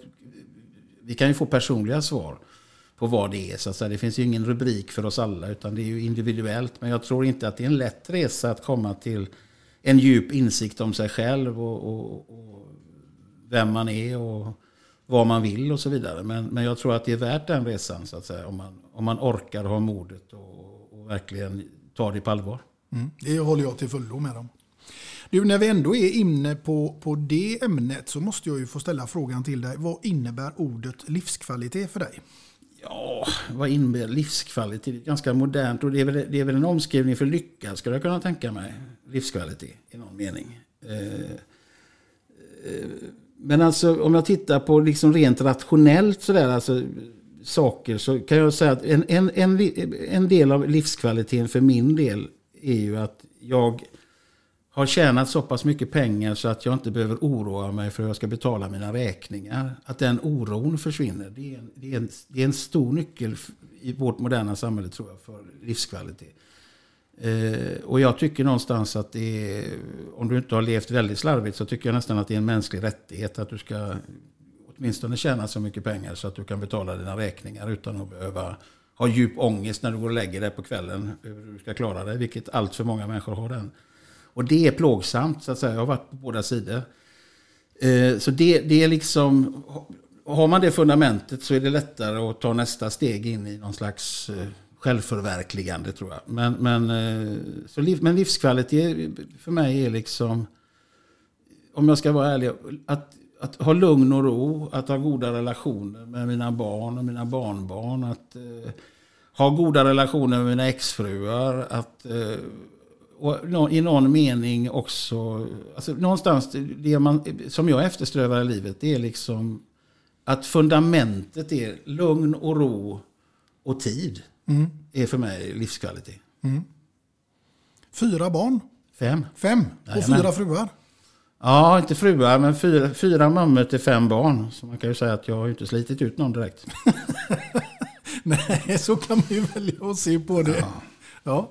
Och så, sen fick jag ju någon fråga någon gång också sådär om det har varit smärtsamt med alla skilsmässor. Och det har det ju varit i och för sig. Men, men eh, jag har på sagt man kommer över det mesta när det kommer till, de, till, till den punkten. Men, men å andra sidan kan jag säga att jag har inte haft de fyra, fyra mammorna så jag har inte haft de barnen som jag har. Så att man kan ju säga att mina skilsmässor har varit av godo. Därför att eh, jag har perfekta barn och jag skulle inte vilja byta ut ett enda av dem. Så att eh, det har varit en stor succé alla mina skilsmässor. Mm. Det är bra att man kan vända på saker och ting tycker jag. Ja, men det är konkret, så är det. Så att säga, om jag skulle sätta mig och tänka, och jag var gift med Michelle hela tiden. Jag, klart jag har fått andra barn som jag hade älskat. Mm. Men nu när jag har dessa så är, det ju, så, så är de perfekta. Så det, då kan man ju säga att det var av godo att vi gick isär och, och så vidare. Så att, eh, ja, det var en succé. Mm. Du, eh, nu måste jag fråga dig, är du en eh, vinnarskalle? Nej, inte nu längre. Jag var det när jag var yngre. Och eh, jag vande mig av med det på ett sätt. Alltså, det är ganska jobbigt att vara vinnarskalle. Det är klart när man idrottar och sådär. Så, så, så, så, men inte ens det. Alltså, nu idrottar ju inte jag på den nivån. Och egentligen aldrig gjort det om jag ska vara ärlig. Men när man var yngre och spelade fotboll så är det klart man ville vinna matcher och så vidare. Det är ju naturligt att man vill. Annars så ägnar man sig inte åt sport överhuvudtaget. Men min, mitt yrke är ju ingen tävlingsidrott. Så att... Eh, Sen är det klart att, att, man, att man i någon mening vill uppnå vissa saker och man, man vill liksom, man nöjer sig inte, man vill utvecklas hela tiden. Men det är ju snarare en process som inte, det är ju inte en tävlingsinstinkt utan det är snarare ett intresse av att inte stagnera utan att hela tiden, jag menar om jag nu gör hundraåringen när jag är 60 eh, på något sätt sådär så, så, så är det ju en utmaning som jag går igång på. Så på det sättet, jag vill ju lyckas med det. Så på det sättet är jag väl kanske en vinnarskalle. Att jag, vill, jag, jag kommer ju inte att nöja mig med att göra en halvdan uppsättning. Utan jag kommer ju att kämpa tills den är så bra som jag någonsin kan göra den. Mm. Så att säga. Sen kanske det finns de som skulle kunna gjort den bättre. Så att på det sättet, men det vet vi ju inte. Nej. Och det ska vi inte ta reda på heller. Utan nu ska vi... Ja, det kan vi göra för det kan ju komma någon och göra en sen och göra den ännu bättre. Så att det är så. Men då var ju inte det en tävling utan det är liksom sådär. Men, men, eh, men däremot är jag en vinnarskalle när andra spelar. Min dotter spelar handboll och sådär. Då, då, då, då får jag ju hålla i mig. Eller om jag tittar på, jag tittar på OS och sånt. Alltså då är det bra att jag bor på landet. För att det, det finns ju, alltså jag kan ju bli väldigt... eh, Jag kommer ihåg handbolls-EM nu som gick. Ja. Och, så när finalen var mot Spanien där. Alltså de sista minuterna där. Ja. När Sverige hade ett anfall och de sjabblade bort bollen. Så dåliga som svenska landslaget var enligt mig just i det ögonblicket. Alltså, du vet, hade de hört mig jag vet inte vad de hade, jag har fått klassbonk. Va? Jag, alltså, alltså, alla var dåliga, Gottfried, alla var, de var så jävla usla. Det, den harangen jag fick ur mig då. Och hur den förbyttes sen när Spanien gjorde ett ännu större misstag. Ja. När de, för när de hade bollen det var 30 sekunder kvar tänkte man nu är det ju färdigt. Nu sätter de ju den jävla bollen. Och så och någon jävla klant. Och då spelar det ju ingen roll hur bra de har spelat i hela EM. Utan, förlåt mig. Utan det är just i det ögonblicket. Så där, jag recenserar hela det laget, vad jag tycker de är, hur, alla var kassa, alla som är fantastiska. Och hur det vänder, han tappar bollen, en av deras, deras mest rutinerade spelare. Jag kan tänka mig hur spanjorerna säger om den spelaren, om spanska laget. Ja. Och sen går vi upp och så får vi straff och så vinner vi. Och då är de ju återigen världens bästa handbollslag. Och det är de bästa spelarna och de bästa människorna som finns i Sverige. Alltså du vet, så att jag, jag är, vad ska man säga, det beror lite grann, det är med och motgång så att säga. Det går väldigt fort i idrottens värld till att bli hatad eller älskad. Sen hatar jag dem inte, jag hade ju fortfarande varit stolt över Sverige även om de hade förlorat den finalen. Så att. Så att eh, man, men just i ögonblicket blir man ju tokig. Ja, absolut. Jag tror det är många som känner igen sig där. Ja, tyvärr är det ju så att det finns ju väldigt många sådana bänkspelare, eller på sagt, eh, soffspelare som tycker att de själva skulle ha gjort det bättre. Men jag kan säga att eh, hade jag stått med den straffen där på slutet, alltså aldrig, jag hade aldrig velat, alltså jag skulle aldrig vilja stå i det. Alltså jag är så jävla imponerad. Mm. Att Ja, det står är- någon, och, och, och du vet, det är, det är liksom pest eller kolera, eller på sagt, det är, det är liksom himmel eller helvete snarare. Mm. Och, och du sätter den i krysset. Alltså det, det är klart, när, när den går in då hade jag ju velat vara straffläggare. Men hela den processen fram till och att ta upp bollen och kasta den, aldrig i helvete. Jag, skulle, jag vet inte, jag hade sprungit all världens väg. Så jag är jätteimponerad av idrottspersoner överhuvudtaget. Enda gången jag blir starstruck, det är när det gäller idrottspersoner. Om Jack Nicholson kom in i mitt kök skulle jag inte bli starstruck. Men däremot om vilken idrottspersonlighet som helst på elitnivå skulle komma in. Så jag tror att det är enda gången jag skulle bli riktigt tyst och, och, och bli lite blyg. Så då skulle jag bli blyger. Och på tal om blyger nu, har Ja. du hittat någon blyger Nej, där? jag har inte direkt. Jag, jag, en som jag jobbar med som är en otroligt fin och, och liksom som skulle kunna representera Blyger i någon mening i sin person. Sådär, som är väldigt mild och omtänksam och fin människa. Det är Vanna Rosenberg som skulle kunna få vara Blyger. Även om hon kanske inte, men jag tror hon kan vara lite blyg ibland. Hon är, henne tycker jag väldigt mycket om. Ja, hon får den rollen helt enkelt. Absolut. Ja, då fick vi ett slut på den där också. Absolut. Du, eh, hur ser framtiden ut för Claes Malmberg? Vi pratar ju om vad du ska göra till sommaren, men fram tills dess, vad händer härnäst? Eh, Är det några spännande grejer på gång? Ja, jag ska... Jag har sagt hur ser framtiden ut. Det är fria spekulationer nu som vi inte vet något om framtiden. Den kanske inte ens finns. Men man kan säga att jag gör lite tv. Jag gör någon grej för Dplay. Som, eh, där jag bara är röst. Eh, Och det är skönt för då behöver jag bara åka till Helsingborg och spela in i en ljudstudio. Sen kommer jag vara med i Alla mot alla med Filip och Fredrik, jag och Marianne Mörk. Ja. och, ja, det blir ett även. Jag vet ju vad som händer, men, men jag, ja, jag, jag tror att vi kommer att vara ganska underhållande. Så, vi, underhållningsvärdet kring våra personer kommer att växa ju längre Alla mot alla går. Eh, och sen ska jag inte avslöja hur det går för oss, men, men eh, ja, det går som det går. Ja. Men, men eh, jag tror att eh, folk kommer att tycka att det är roligt att vi är med, det hoppas jag. Mm. Det går bra att titta på det. Ja, det tycker jag. Det- Alltså, jag måste säga att det är ett av de roligaste program jag har medverkat i. Alltså, det passar mig bra. Det är, och och Marianne också givetvis, eftersom det bygger på ren improvisation och på, på liksom att vara underhållande i stunden. Och det är, både jag och Marianne tror jag trivs väldigt bra med det. Mm. Vi trivs ihop och, och, och så vidare, så att vi är trygga med varandra. Eh, sen är vi kanske inte alltid de vassaste knivarna i lådan, men, men, men det löser sig. Det ordnar sig. Ja. Du, eh, hur ser det då ut med dina morgonrutiner undrar jag? Ja, de är ganska så lika om jag ska vara ärlig. Min- Mina morgonrutiner är att jag vaknar upp vid nio tiden ungefär. Mm. Går upp, kokar kaffe, gör tre mackor och tittar på tv. Mm. Och eh, ja, ofta när det är Malou så tittar jag på Malou. Ja. och sådär olika intervjuer och sådär. Och sen så, det är ganska, ganska långsamma skulle jag vilja säga. Mm. Så det händer inte så mycket fram till klockan är tolv. Ringer mycket telefon blir det om jag jobbar och sådär. Och, Mm. Men detta är om jag är ledig. Och jag har väldigt lätt för att vara ledig. Och jag har väldigt lätt för att jobba när jag ska jobba. Så att jag har väldigt bra på och avknapp. Mm. Men kaffet är i alla fall en viktig del för dig på morgonen. På morgonen är det jätteviktigt. Resten av dagen är inte lika viktigt. Men på morgonen måste jag ha kaffe. Kaffe och snus. Kaffe och snus. Det, har du, det ska jag kunna leva på. Ja, det är samma här nämligen. Ja. Jag känner igen det. Du Claes, det är nämligen så här att jag tänkte att jag ska få bidra med någonting till ditt kök. Och det är, det är ingen pasta eller så, men Nej. eh, det är faktiskt väl en mugg med två låtar och en kändis. Och givetvis har du då fått ditt namn ingraverat också. Och den vill jag räcka över till dig. Tack så mycket. Hoppas att du ska ha som ett trevligt minne ifrån eh, denna fantastiskt trevliga stund. Ja, jag vill säga så här, den här den är jättefin. Den kommer att vara tvåa. Jag har fått detta av mitt barnbarn där det står morfar du vet väl att du är viktig. Den ligger som etta. Men den här kommer att ligga som klar tvåa i, i, i skafferiet heter det inte utan i, ja, i skåpet. Där, i koppskåpet. I koppskåpet, ja. Men ändå, det, ja, en så bättre, det förstår jag att eh, den inte kommer att ta första platsen då. Nej, det är svårt att, att bräcka barnbarnen, det måste jag säga. Det, det är ju, alla pratar ju om barnbarn och sådär. Och jag, innan jag fick mitt första så var jag lite sådär, ja det kan inte vara så jävla märkvärdigt. Men det är ju det. Det är ju enastående märkvärdigt. Och eh, var man en mesig pappa så är man ju, inte, så är man ju en betydligt mesigare både farfar och morfar. Så att, eh, på gott skulle jag vilja säga. Mm.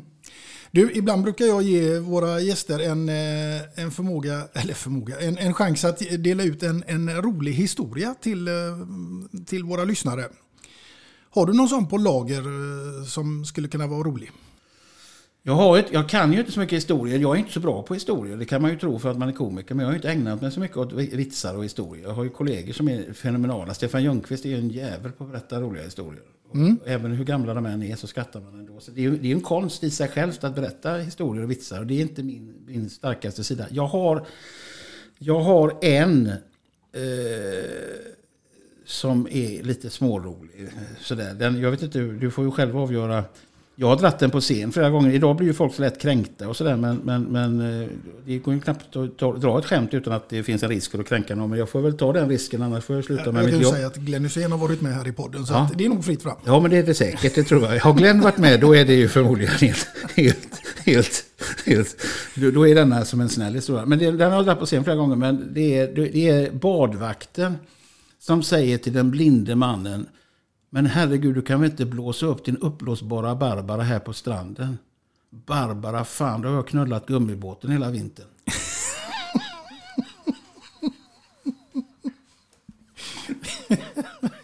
Ja. Ja, så det, det, den kan Glenn försöka toppa. Han har redan varit med va? Han har redan varit med två gånger dessutom. Var min roligare än Glenns historia? Ja, det tycker jag. Ja, tack så mycket. Det var ju skönt att jag är bättre på något än Glenn Hysén. Du, med detta sagt så ber jag så hemskt mycket att Om ursäkt. Ja. Det lät som du skulle säga. Nej då. Jag är så stolt, glad och nöjd över att få ha med dig som gäst här i min podcast Två låtar och en kändis. Det har verkligen varit en stor ära att få vara här och träffa dig och eh, höra din berättelse här idag. Tack så mycket. Det har varit roligt att vara med. Och med det sagt kära lyssnare så hoppas jag ju självklart att ni finns kvar eh, i, till nästa avsnitt och vem som sitter framför mig då, det återstår ännu att se. Tills dess, ha det så gott där ute allihopa. Hej då!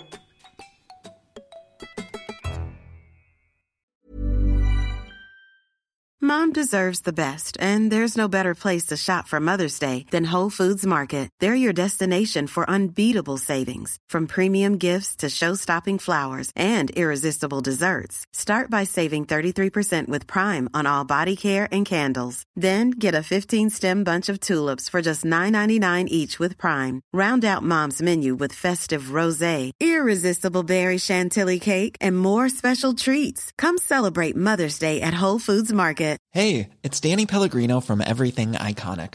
Ready to upgrade your style game without blowing your budget? Check out Quince. They've got all the good stuff shirts and polos, activewear, and fine leather goods, all at 50 to 80% less than other high end brands.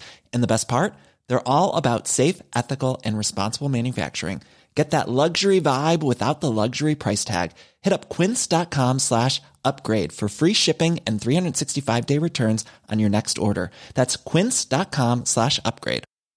Hi, I'm Daniel, founder of Pretty Litter. Did you know cats tend to hide symptoms of sickness and pain? I learned this the hard way after losing my cat, Gingy. So I created Pretty Litter, a health monitoring litter that helps detect early signs of illness by changing colors, saving you money and potentially your cat's life. Pretty Litter is veterinarian developed, and it's the easiest way to keep tabs on your fur baby's health right at home. Go to prettylitter.com and use code ACAST for 20% off your first order and a free cat toy. Terms and conditions apply. See site for details.